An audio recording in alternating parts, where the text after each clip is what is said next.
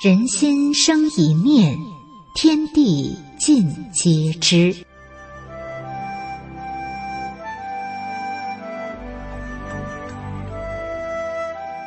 听众朋友您好，欢迎收听明慧广播电台《善恶一念间》节目。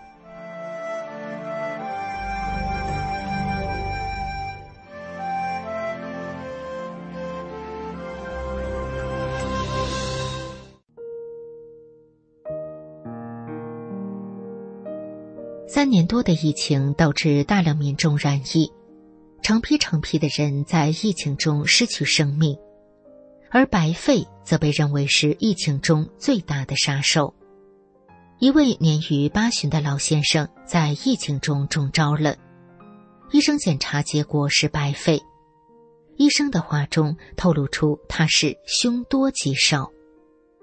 同病房有的白肺患者都死去了。而他却在做了一件事后，神奇的闯了过来。那么，他到底做了什么事呢？下面我们就来听听他的妻子李慧珍讲述的真人真事。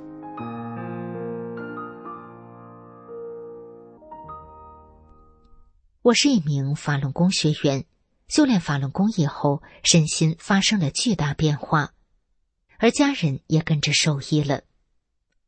老伴儿今年八十四岁了，他没有修炼法轮功，是个普通人。老伴儿虽然不修炼，但他很支持大法。每当有同修来我家一起读书学法的时候，老伴儿都会热情招待。他还经常去集市上挑选水果，摆放在法轮大法师傅法像前，表达他敬佛的心意。去年年底，老伴儿突然出现感冒症状，躺在床上浑身没劲儿，吃不下东西。儿子女儿很着急，带他去医院检查，结果医生诊断说老伴儿患上了白肺，病情很严重，整个肺部的三分之二都变白了。这种病只能通过输液输氧来维持。医生叫儿子去买一种医院不卖的药物。一支就要花三千元。这种药物不但昂贵，而且稀缺，根本不好买。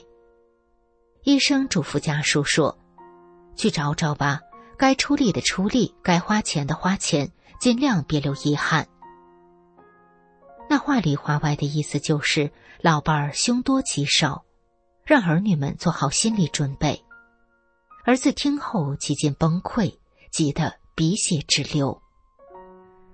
在医院的时候，老伴儿跟我讲，住院的日子压抑极了，因为病区里全是患有相同病症的老人，有的前几天还照过面，结果一眨眼的功夫人就没了。医院走廊里充斥着家属们的哭喊声，有时他躺在病床上看屋顶，能看到很多黑色的灵体趴伏在上面，还会来回爬动。感觉医院的空气里都弥漫着病毒。没过几天，老伴儿开始不分昼夜的打嗝，导致他睡不着、吃不下。在精神几近崩溃时，一个清晰的念头在老伴儿的脑海中浮现：此处不宜久留，他必须离开医院。只有大法师傅能救他的命。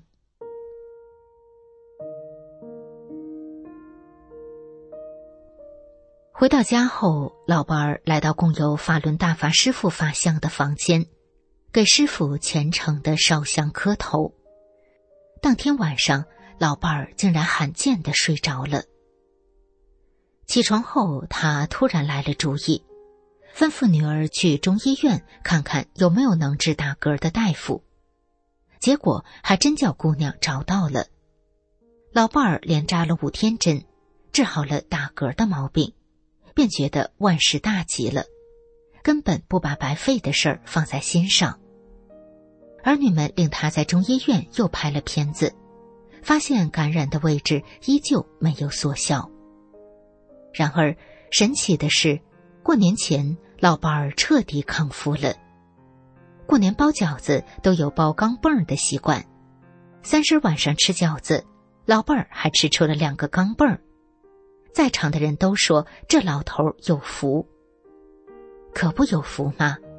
本来是医生眼中的将死之人，后来又得了不停打嗝的怪病，两种病症叠加在一起，对于一个八十多岁的老人来说，根本就是取命来了。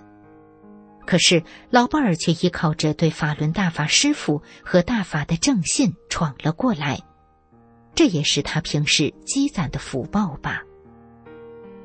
我们的邻居是个受中共邪党荼毒很深的党员。之前我曾多次给他讲过法轮功真相，以及中共作恶多端必遭天谴的真相，并劝他退出中共的党团队组织，也就是三退，但他都不同意退。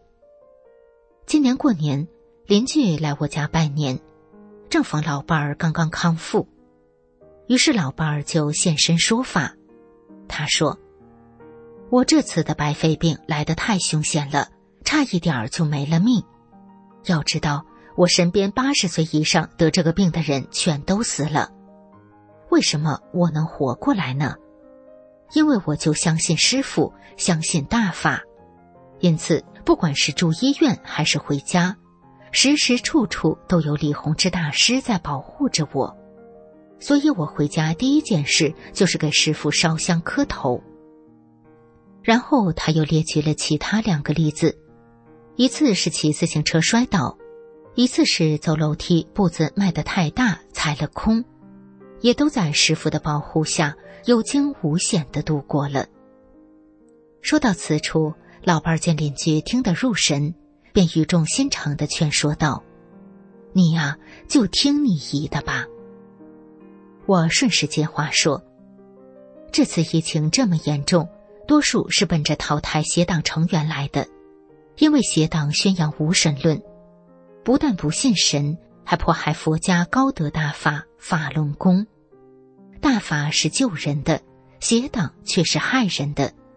谁跟他走得近，就会跟他一块儿被淘汰。在我和老伴儿的共同劝说下，邻居终于做了三退。